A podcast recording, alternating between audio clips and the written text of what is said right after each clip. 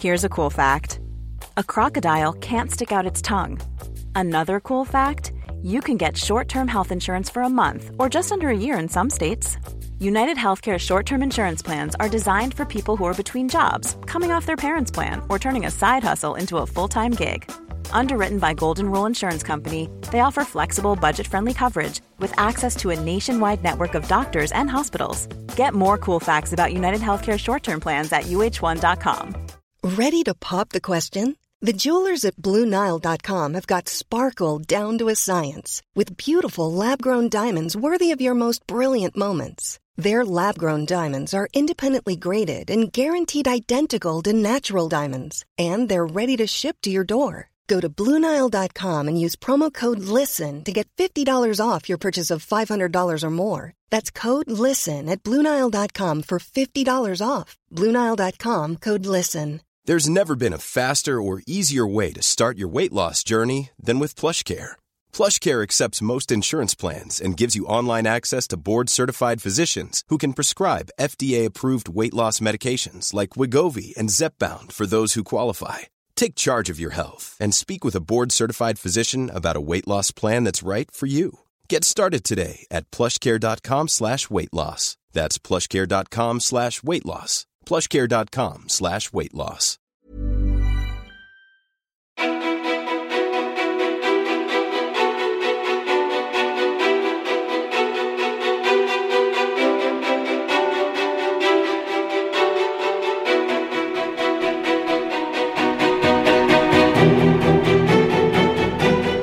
Serietecknaren Bim Eriksson är aktuell med sin hyllade serieroman Baby Blue. En berättelse där samhället belyser sorg, ohälsa och osäkerhet. Bim har tidigare släppt serieromanen Det kändes som att mina lungor dog som blev en stor succé. Hon har viktiga och utmanande perspektiv i hur samhällets normer och ideal påverkar oss och vår hälsa. Hur påverkas hon själv av tiden vi lever i? Vem är egentligen Bim Eriksson?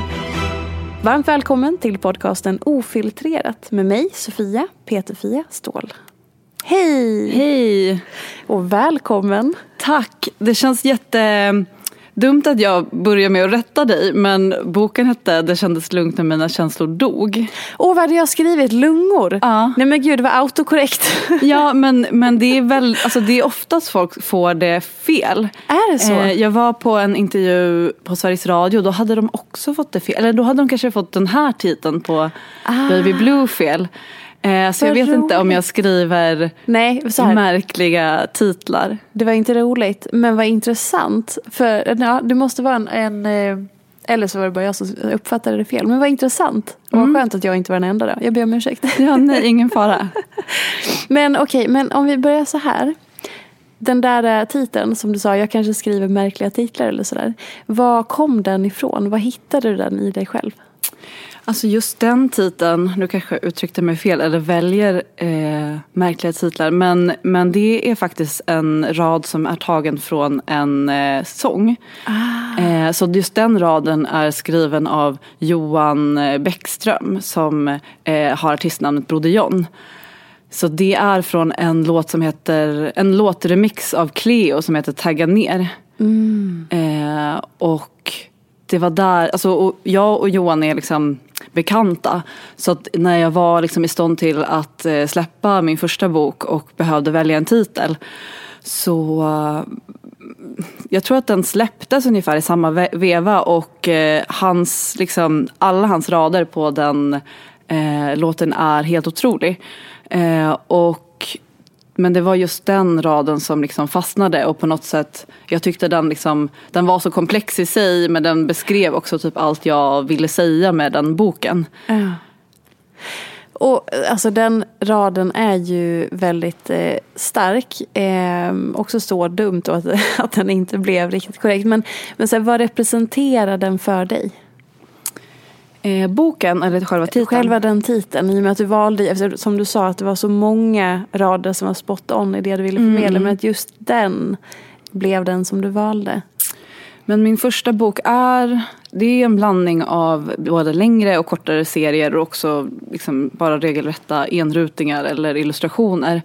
Men allt handlar väl, man kan ju börja säga att den är självbiografisk. Eh, och den släpptes ju två år innan metoo. Så att hela min idé från början med den boken var att jag skulle samla in berättelser av liksom så misslyckanden eller liksom eh, övergrepp eller andra typer av historier som, in, som jag inte tyckte blev berättade.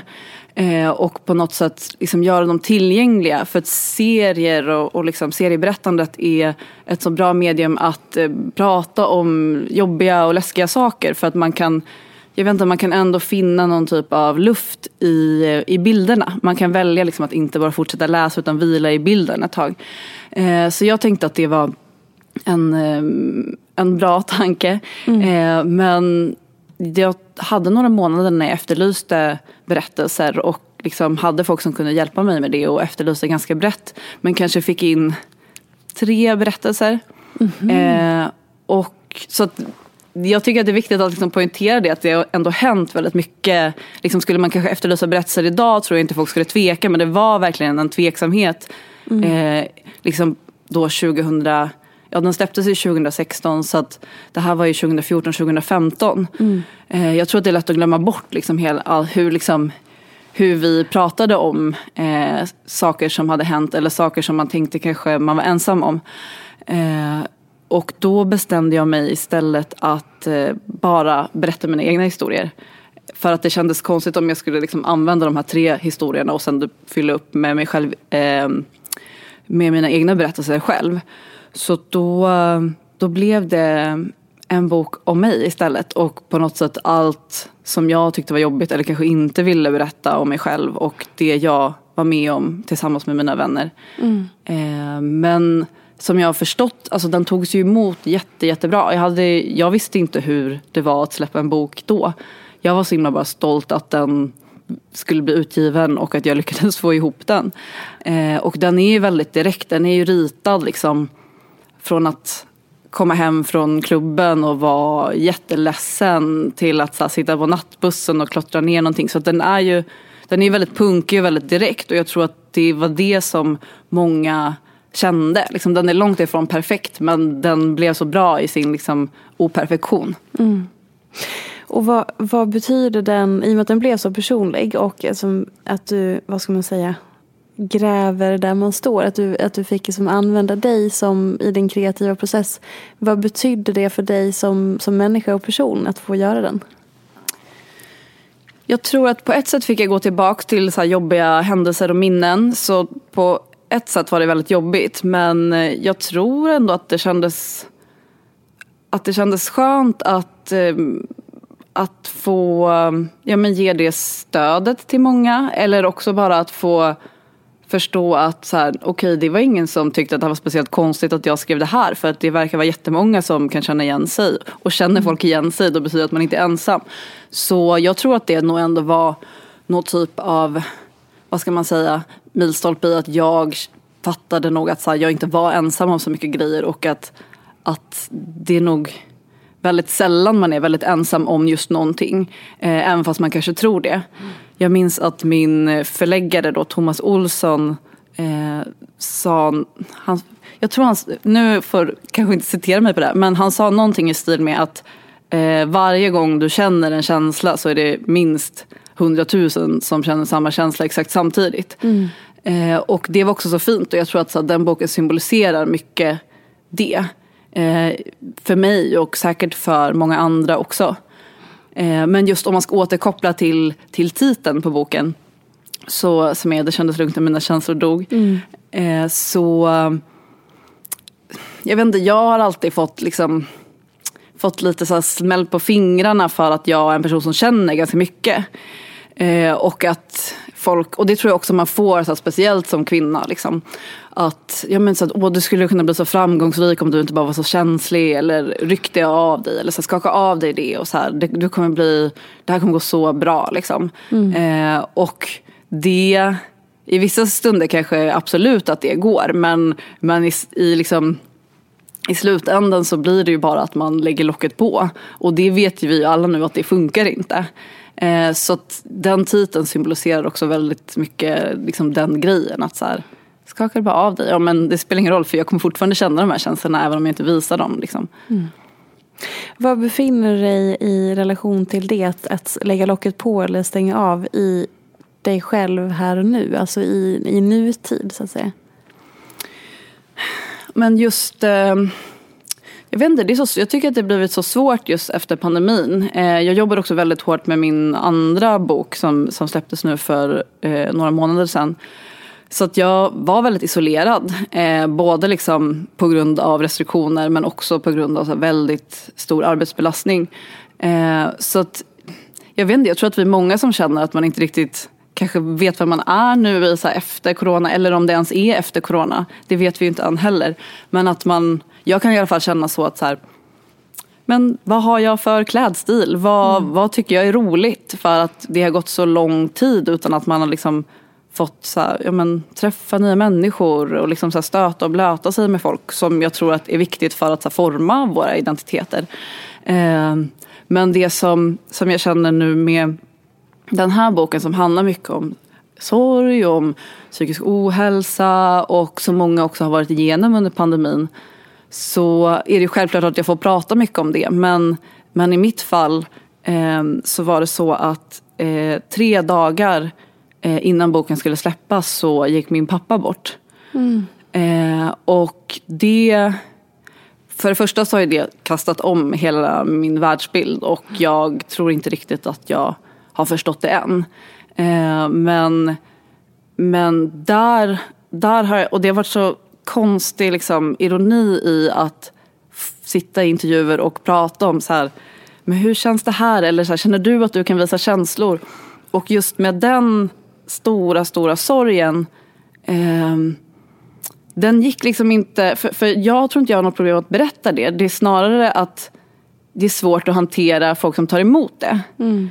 Eh, och jag tror någonstans att det är det också den här, eh, min senaste bok handlar om. Att, att det, han, alltså det, det kanske jobbiga känslor som vi har eller sorg som vi bär på är ju jobbig i sig själv men den blir mindre jobbig när vi får prata om det.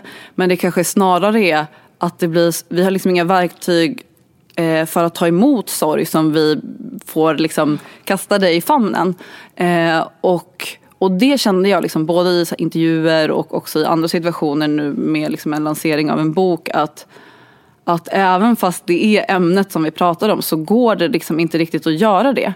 Och jag känner nog inte att det är på grund av att jag inte kan det utan att det snarare är att, att folk man berättar det för blir förlägna mm. och eh, har ingen aning om hur de ska reagera. Så att i slutändan blir det nästan att jag tröstar dem Fast det är jag som bär på den här sorgen.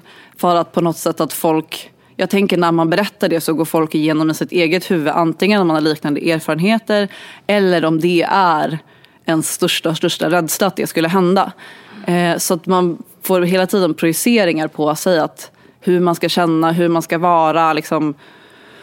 Och jag tror att det var alltså, flera dagar eller flera veckor som jag var så här, men kan jag ens liksom berätta att jag har släppt den här boken? Kan jag ens göra intervjuer? Kommer folk tro att jag inte bryr sig om att min pappa har gått bort? Um, och det var en jättestor rädsla som jag inte liksom kunde riktigt hantera. Um, nu har jag väl landat i att uh, jag har jobbat med den här boken i fyra år och som, som tur är och det som, jag, som var viktigt för mig var att pappa ändå han ser den, han han läsa den, han han säga att det är ett mästerverk. Mm. Eh, och att han hade ju varit så här, men fan kör typ. Han, han hade inte velat att jag liksom höll igen. Men såklart är det ju en jättemärklig situation att både liksom vara superprivat i en sorg och samtidigt samtidigt vara jätte eh, extrovert och prata om liksom, sig själv och sina känslor och om eh, hela processen kring att göra en bok. Mm. Eh, så att det, jag är fortfarande liksom mitt i det. Men jag tror inte att det blir bättre av att inte prata om det. Alltså, det är väl väldigt märkligt att vi pratar så ofantligt mycket om livet. Men vi pratar väldigt, väldigt lite om döden. Eftersom alltså, vi alla vet att vi ska dö. That's it. Och sen mm. som du säger att det finns så många rädslor och sån otrygghet kanske runt att hur man då när det som händer som ju är det tuffaste, svåraste mest natur, alltså det är, så, det är så lite som vi pratar om det. Mm. Och så eh, som du säger att människor inte vet hur man ska hantera det eller måste jag säga rätt saker nu eller ska jag fixa det här på något vis eller Verkligen. så att det säger väl någonstans att det viktigaste någonsin kanske är att vi pratar om döden också så att man kanske också kan hjälpa varandra i det när det väl händer så. Det Ja. är jätte, jätteviktigt. Ja, verkligen. Jag läste, jag tror att det var i Knausgårds, eh, hans Min, min kamp eh, serie. Så jag tror att det är första så skriver han om då skriver han just om döden och att vi är, s- alltså den är så frånvarande att vi, vi täcker över våra döda, vi har eh, stängda kistor eller unor, kanske inte ens kistor, när vi eh, liksom har begravning. Eh, bårhusen är under mark. Alltså allt för att liksom gömma undan det. Så att, ehm, och jag har aldrig tänkt på det men, men det stämmer ju verkligen.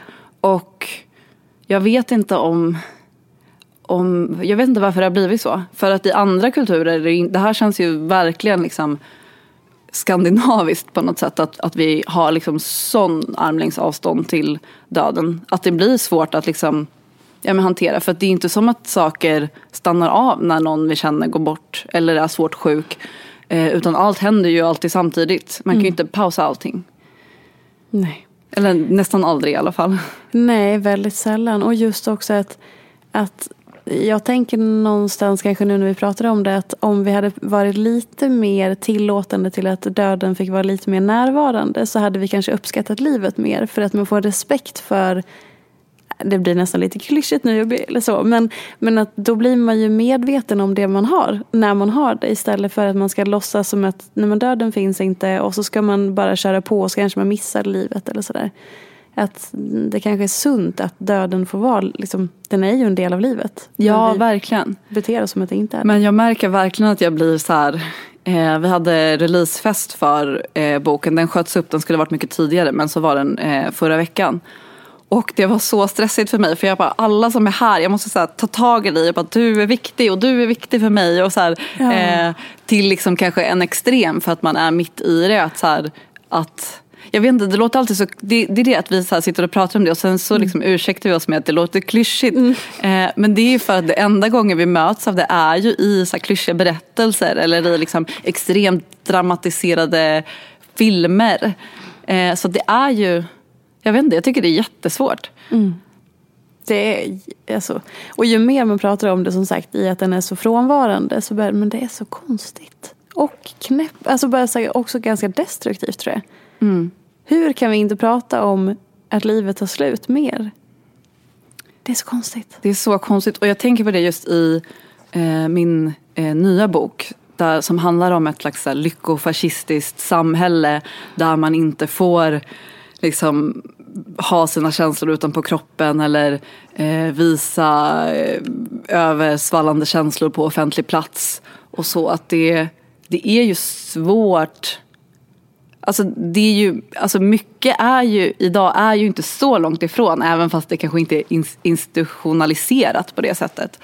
Eh, men, men jag vet inte, det var nog ett uppvaknande för mig för jag har ju levt i den här liksom fiktiva världen speciellt nu väldigt intensivt under corona i att skapa och färdigställa boken.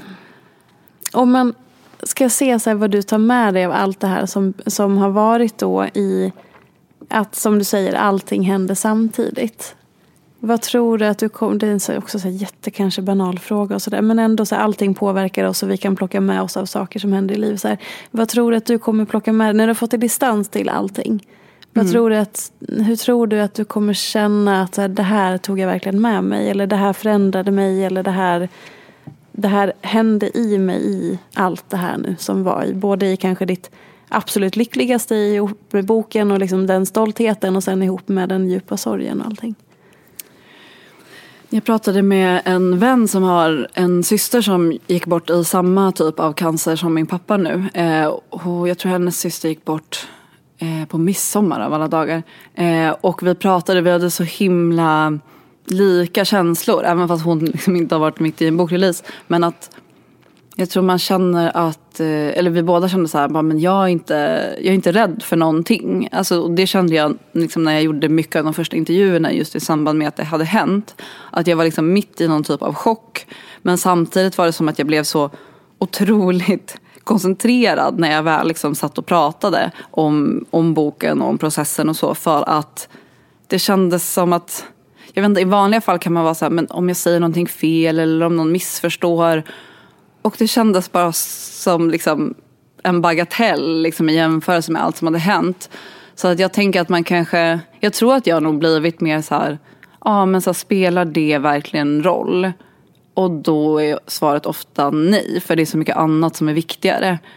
Eh, och det, det, tror, det är ändå någonting som jag tänker och hoppas att jag kan ta med mig. Men jag vet inte, för att jag är nog fortfarande mitt i det. Det kommer nog ta, det är ju liksom inte, jag tror att man så här, om man inte har varit med om en sån sak så tänker man nog att så här, den stora sorgen händer och sen så liksom kämpar man varje, varje dag för att man ska läka eller kunna hitta sätt att, att eh, bli sig själv eller gå vidare.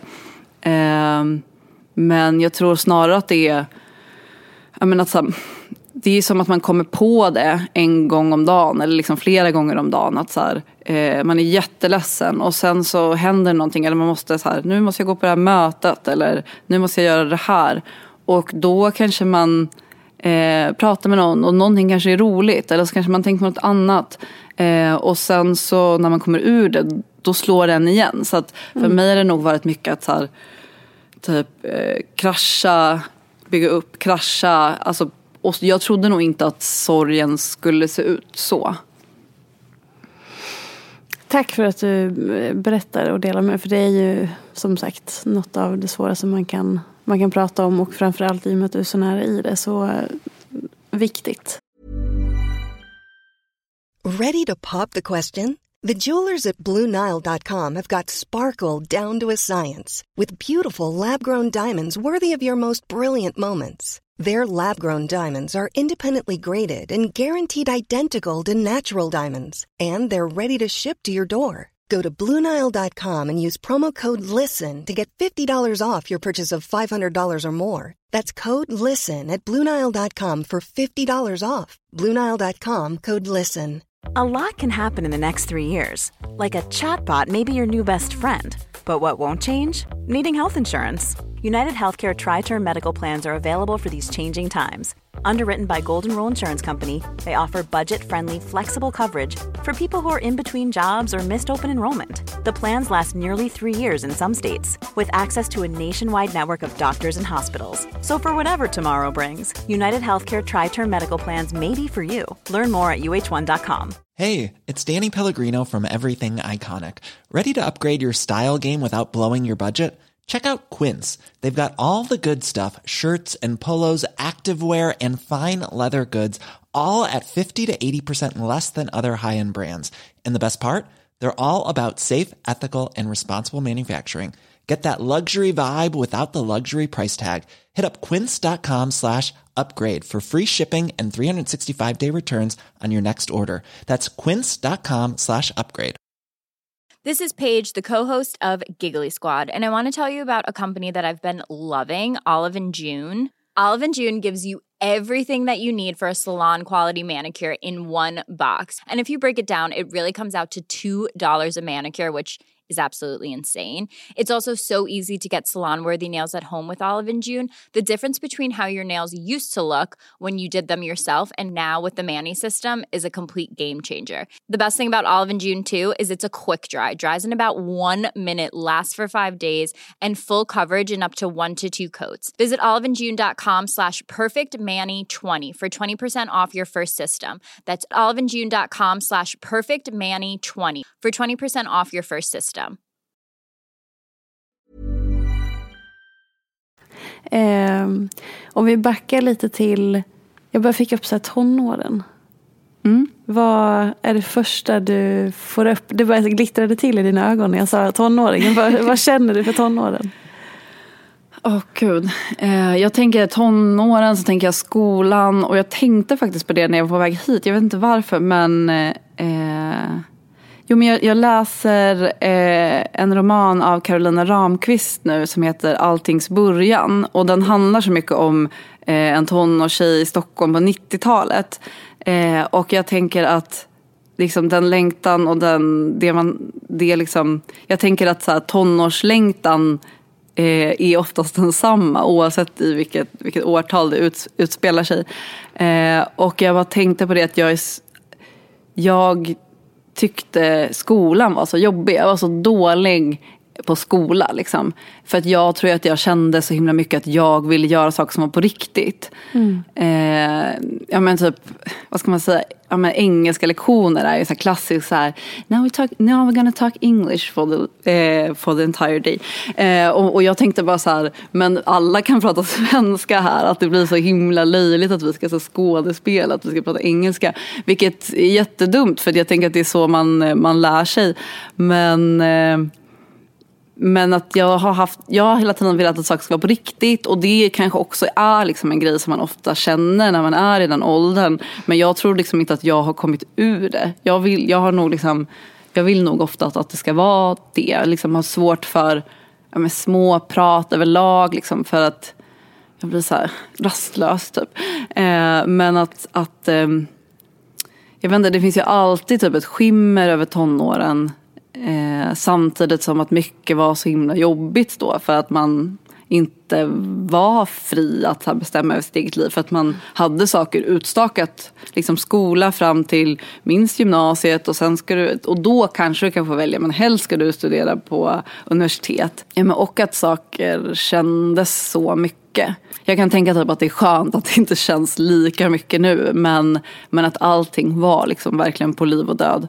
Och det är väl någonstans det man kan på något, det är väl kanske det som blir det här skimret. Att så här, när man tänker tillbaka, så här, men gud, så här, den där personen som jag typ grät för eller den här, den här grejen som hände. Och så känner man bara så här, jag minns inte ens den personen idag. Eh, ja, jag vet inte, så, kanske, så kommer det väl vara genom hela livet men att det blir just så intensivt just under tonåren. Mm. Jag bara såg den här klassiska första förälskelsen, krossade hjärtat. Det här kommer vara för evigt. Exakt ordet intensivt, det var, det var ju mm. så mycket att hantera på alla sätt. Kommer du ihåg din absolut första, den hjärtekrossen? Jag vet inte om jag... Alltså jag tror att jag har varit ganska typ skonad från det, i alla fall liksom i tonåren. Eh, jag, jag, eh, gud, jag blev tillsammans med alltså, världens gulligaste kille. Och sen så tror jag att vi var typ tillsammans i två år. Jag tror att vi gick kanske i fyran då. Och sen var vi mm. tillsammans i två år. Två år är så otroligt länge. Men ja. vi var typ bara bästa bästa kompisar liksom. Eh, och sen så typ bytte han skola tror jag och sen så typ slutade vi ses. Och sen typ några veckor senare så kom han med en blomma och bara vi kanske inte ska tillsammans mer. Och jag kände typ Nej, vi har ju inte setts på jättelänge så vi är väl inte tillsammans. Det var som att vi så här ghostade varandra typ ömsesidigt. Eh, men det är väl Eh, sen har man ju blivit, varit så i stor sorg för att saker tagit slut. Alltså jag tror att jag, jag säger det till min sambo hela tiden, att jag, är så, jag tycker det är jobbigt när saker tar slut. Oavsett om det är att så här, nu måste vi sova för att det är en ny dag imorgon. Eller typ man sitter på en middag som måste ta slut. Eller Eh, alltså oavsett vad det är. Jag vill liksom att så här, är man i stunden och det är härligt så vill jag inte att det ska avbrytas typ. Har det alltid varit så? Ja men jag tror det. Alltså för jag tänker att det är ändå så här eller sällan är det väl inte. Nu, nu får man ju välja vilka man umgås med och vad man gör och så. Men, eh, men jag, jag tror nog att det har jag liksom verkligen trivts i en situation så har jag varit så här, jag vill inte, även fast man har varit skittrött eller man verkligen måste gå till nästa möte eller jag vet inte vad det kan vara. Men jo, det har nog varit så. Mm. Det är så roligt när man pratar om tonåren för det väcker alltid så många olika känslor i en människa. Just att antingen så, en del bara så ryggar tillbaka och frågar och bara, men jag hatade skolan, jag avskydde allt som har med det att göra. Eller som att du ändå, det var så fint för du ändå så glittrade till lite i ögat när jag, när jag bara frågade om, om tonåringen. Så. Eh, det är väldigt intressant för den tiden tänker att den präglade oss så ofantligt mycket. Och även om man kanske förstår det där och då så kanske det är först när man har fått väldigt mycket distans till det som man kanske fattar egentligen hur extrem den perioden är. Oavsett ja. om man har ett bra, alltså vad nu det är, men om man har ganska bra eller lätta tonår om nu någon ens har lätta tonår. Men du förstår att det inte mm. är så traumatiskt eller jättejobbigt. Så tänker jag ändå att det är en väldigt mm, utmanande tid. Ja, verkligen. Jag tror att jag eh, fick bearbeta väldigt mycket av det när jag skrev min första bok. För att den är väl liksom i gränslandet med, alltså jag tror den, jag gjorde klart den när jag var 23. Så det var väl liksom någonstans spannet från liksom tidigt gymnasium och gymnasieålder till ja, egentligen fram tills jag ritade klart den. Så det är ju ett spann mellan, vad blir det, typ 17 till 22 kanske den. Mm. Det är kanske det som är spannet. Och då fick jag nog ändå så här göra någon typ av bokslut känns det som. Eh, och ja men också så här, inte rygga från att här, ta upp det här, alltså som många gör, men att här, ta upp det liksom, allra värsta och vrida och vända på det och sen göra någon typ av serie eller berättelse kring den. Eh, för jag tänker att vi många har haft samma typer av erfarenheter och det visade ju sig att många hade. Liksom. Mm. Det är så fint när man, jag har fått så otroligt mycket folk som har skrivit och varit så här, ja men jag sover med den under kudden och så om jag inte kan sova så typ slår jag upp den och läser någonting och så här.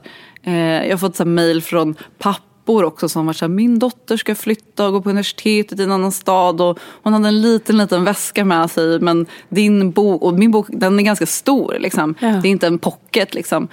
Men hon, pack, hon tryckte ner den. Alltså så här, det är så fint att få de här små glimtarna för att när man gör en bok så Alltså man gör ju klart den och sen publiceras den och sen så vet man ju inte vart den hamnar. Mm.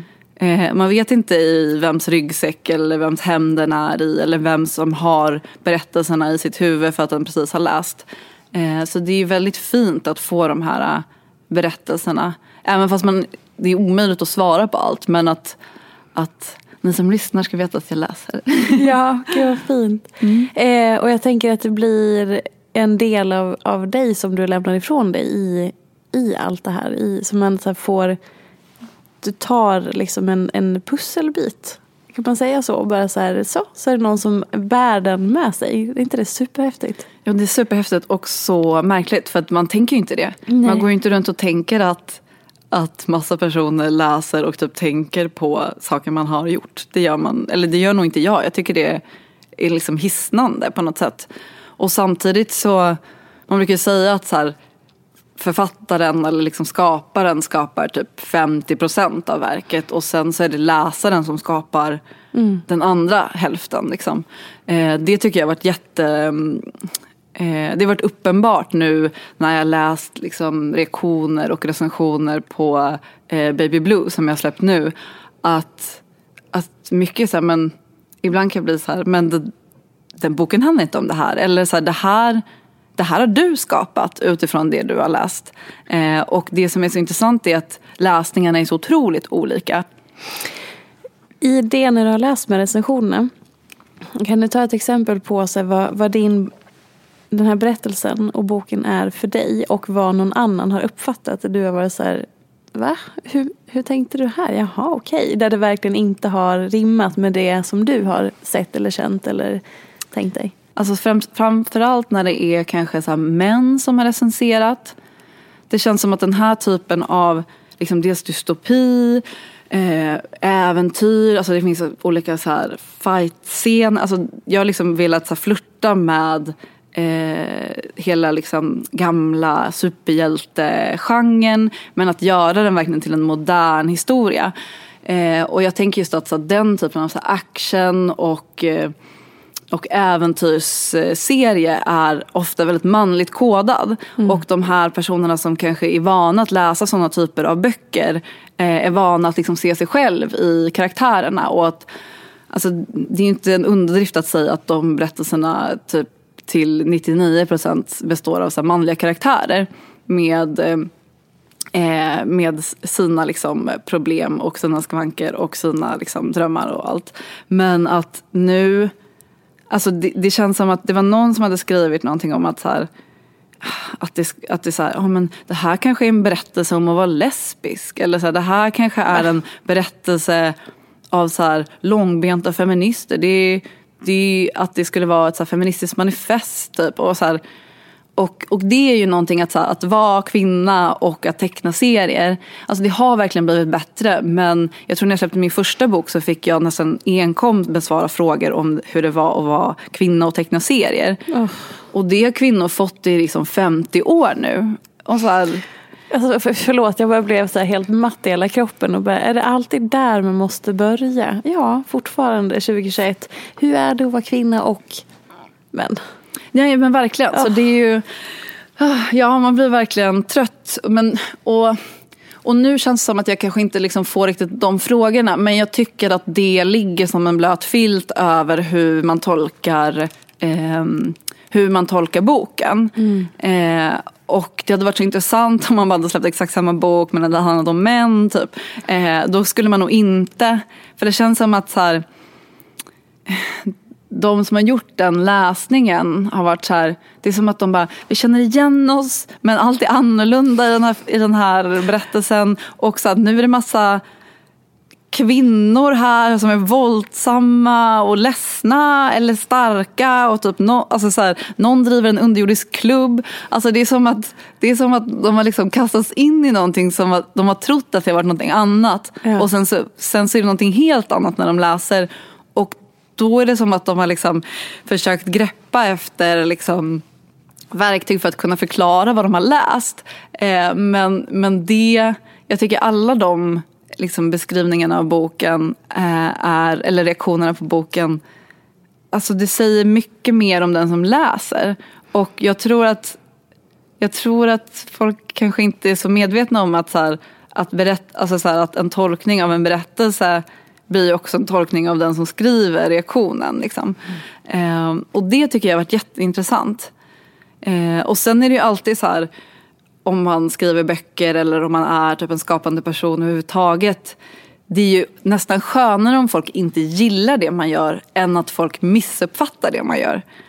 ah, just det, den skillnaden. Ja, mm. för att jag vet att så här, det var någon som hade skrivit att det här kunde tolkas som det här kunde tolkas som ett så försvar mot um, mot eh, vaccinationsmotståndare. Och då är jag så här, men, men stopp, så här, det, vi, man kan väl prata om typ olika typer av förtryck utan att det ska handla om att så här, jag tror att alltså, det känns som att vissa är så himla inne i liksom, pandemin att så, ingenting annat kan handla om någonting annat nu. Typ.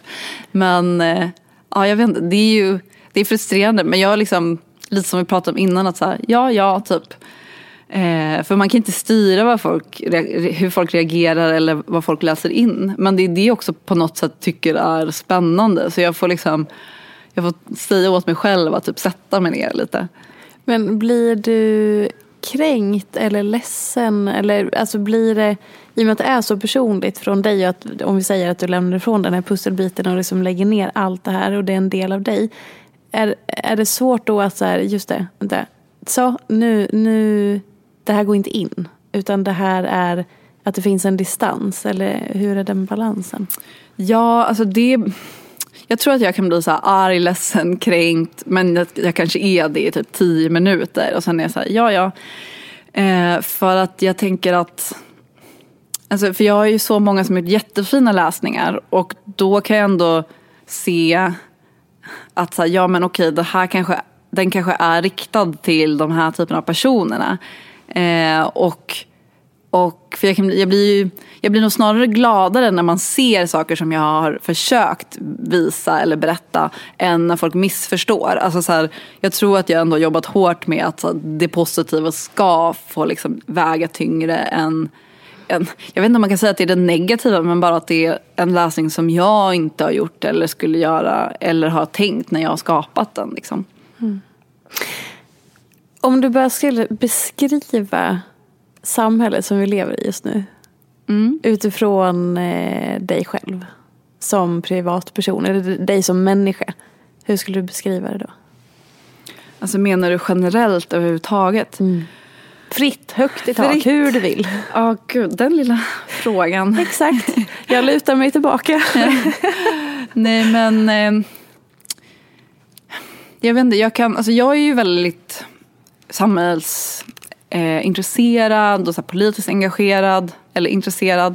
Eh, och men det som jag känner, alltså jag kan nog känna att det blir lite deppigt för det känns som att vi så vi pratar hela tiden om att så, samhället är polariserat eller att det har dragits isär och att liksom man ställer sig i en ringhörna och så står de andra i en- Alltså det är väldigt, jag tänker att vi i Sverige överlag är väldigt svåra att prata, alltså vi är dåliga på att prata om svåra ämnen för det blir, det blir ganska snabbt typ Jaha, du kan inte nyansera det här för då är du så här eller då tycker du som dem eller så här, är du inte med oss så är du emot oss och, och det, det känns som att det har liksom blivit någon typ av extrem. Eh, nu och jag liksom hoppas att vi kan komma ifrån det för det blir ganska ointelligenta liksom, diskussioner eller debatter. Och eh, ja, jag vet inte, jag kan bli ganska trött och då känns det snarare som att jag inte vill delta snarare. Och jag tror att vi är väldigt många som känner så. Och eh, jag vet inte, det känns deppigt. Sen känns det också så här, det är ett år kvar till val. Det känns som att det kommer bli mayhem. eh, så att, jag vet inte, jag är nog väldigt, jag menar precis som jag sa att jag är liksom förvirrad med liksom, så här, vem jag är och typ, vad gillar jag för kläder. Vad, jag har typ suttit i mjukisbyxor i två år under pandemin. Eh, likadant känner jag nog också inför liksom, samhället i stort. Men det tror jag också är för att alla är lite så här, får man kramas, får man ta i hand, får man gå på fest, får man, eh, får man resa? Alltså så att, att det, vi är väldigt ängsliga överlag nu. Eh, och det känner jag märks på något sätt i liksom samhället eller i liksom den dagliga debatten på något sätt. Eh, så att jag vet inte, det är väl lite så här, om vi pratat om så att vara tonåring, det känns som att alla kanske är lite tonåringar just nu och försöker så söka till vem man är i det här liksom post-corona. Får vi hoppas att det är post-corona. Men, ja, men det är väl lite så jag tänker att det är nu. Eh, att alla känns lite trevande med vad man får och inte får göra och eh, vad som kommer hända. För det pratar vi också om. Att så här, ja men nu börjar corona spridas mer och så här, det kanske blir, ska, nu blir det en tredje dos vaccin. Ehm, så jag är nog väldigt förvirrad i vad, vad som händer. Det känns som att väldigt få saker är tydligt. Ehm, och sen tycker jag att det är jätteskrämmande med liksom, eh, att många partier väljer att liksom ha en mer, eh, vad ska man säga, högerextrem retorik eller liksom, eh, högervriden agenda och att man liksom pratar om områden med vanliga familjer och jag tycker det är fruktansvärt. Eh, på ett sätt är det mycket läskigare än den här liksom mörka dystopin som jag har målat upp. Och mycket av liksom det språkbruket som finns i boken har ju, är ju nästan direkt klippt från debatt, eh, debattsidor eller liksom politiska debatten. Eh, på samma sätt som de här liksom superläskiga eh, folkhälso eh, vokabulären är egentligen direkt klippt från liksom, hur man pratade om folkhälsa på 30-talet. Så, att, så att det, är liksom, det är som att mo- modern politisk retorik möter liksom 30-talet i, alltså jag har försökt masha ihop det liksom. Eh, men så, för att gå tillbaka till din fråga. Jag, eh, hur jag ser samhället nu, det är väl att det är trevande och, och lite och läskigt, lite läskigt, ja. Du ska få den sista frågan som alla mina gäster får. Fri tolkning. Säg inte Instagram. Det är den enda regeln. Okej, är det många som säger det? ja. Okej. eh, vad är inte som det ser ut? Instagram. Nej, Nej men, eh, ehm, men vi, okej, vi har ju pratat mycket om berättelser och böcker så att jag kanske säger eh, böcker då. För att det som jag, jag, vet inte, jag fick någon fråga, jag hade någon så här frågestund och då var det någon som frågade, alltså jag älskar att jag fick den här frågan. Så att den personen, om den lyssnar, ska inte känna sig dum.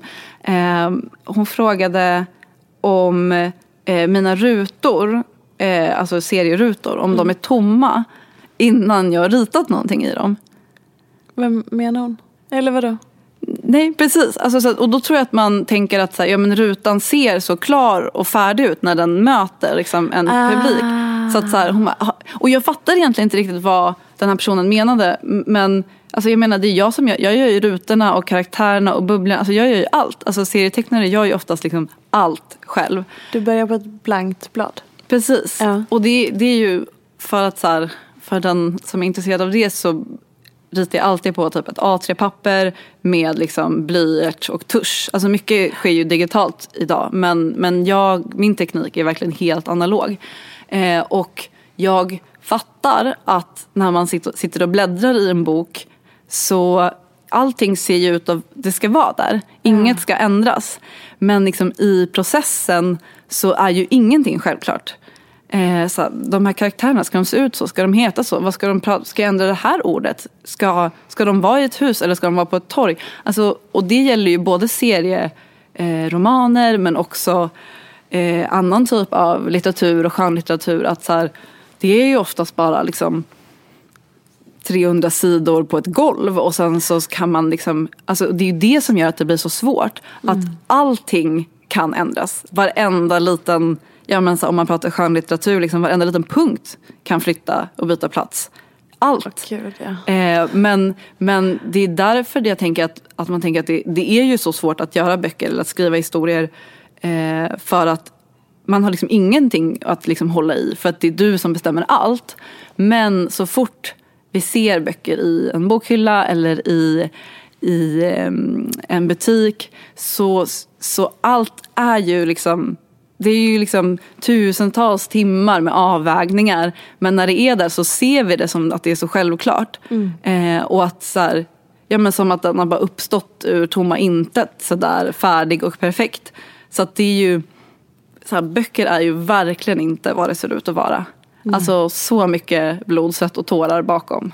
Och man ser ju kanske PR-turnén eller lanseringskalaset eller så. Men man ser ju inte när man sitter där hemma och svettas och är arg och har skrivkramp och har inte ätit på flera timmar och bara skriker på sitt tangentbord eller vad det nu än må vara liksom. Ja verkligen, eller så här, ska, vill sluta eller, eller men också så här, vissa dagar när man kanske känner sig som ett geni och det här är så bra.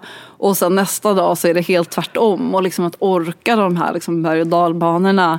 Eh, jag tänker verkligen att så här, skrivande och skapande är så mycket att hålla ut. Eh, och inte den här liksom skinande, härliga eh, slutresultatet som vi ofta eh, håller i sen. Det där kanske också kan eh, appliceras lite grann på livet överlag ju. Inte att hålla ut, för det är jag en stark motståndare till. Apropå att inte lägga locket på och liksom så, sådär med känslor och så.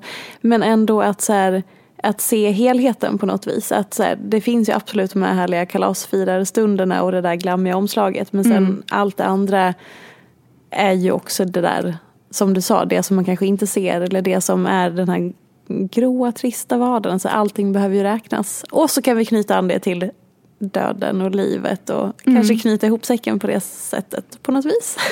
Det låter mycket bra. Ja, gud. Vilket samtal det blev. Ja, verkligen.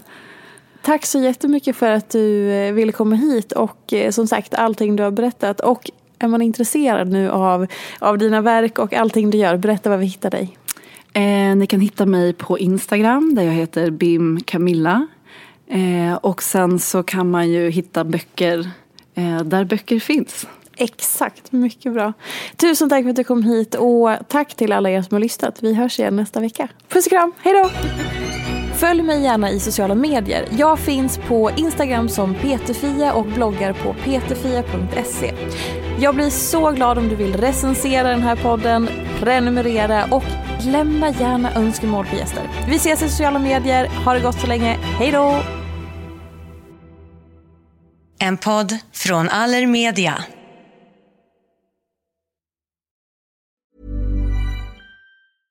Flexibility is great. That's why there's yoga. Flexibility for your insurance coverage is great too. That's why there's United Healthcare Insurance Plans. Underwritten by Golden Rule Insurance Company, United Healthcare Insurance Plans offer flexible, budget friendly coverage for medical, vision, dental, and more. One of these plans may be right for you if you're, say, between jobs, coming off your parents' plan, turning a side hustle into a full hustle, or even missed open enrollment. Want more flexibility? Find out more about United Healthcare Insurance Plans at uh1.com. Even when we're on a budget, we still deserve nice things. Quince is a place to scoop up stunning high end goods for 50 to 80% less than similar brands. They have buttery soft cashmere sweaters starting at $50, luxurious Italian leather bags, and so much more. Plus, Quince only works with factories that use safe, ethical, and responsible manufacturing. Get the high-end goods you'll love without the high price tag with Quince. Go to quince.com/style for free shipping and 365-day returns.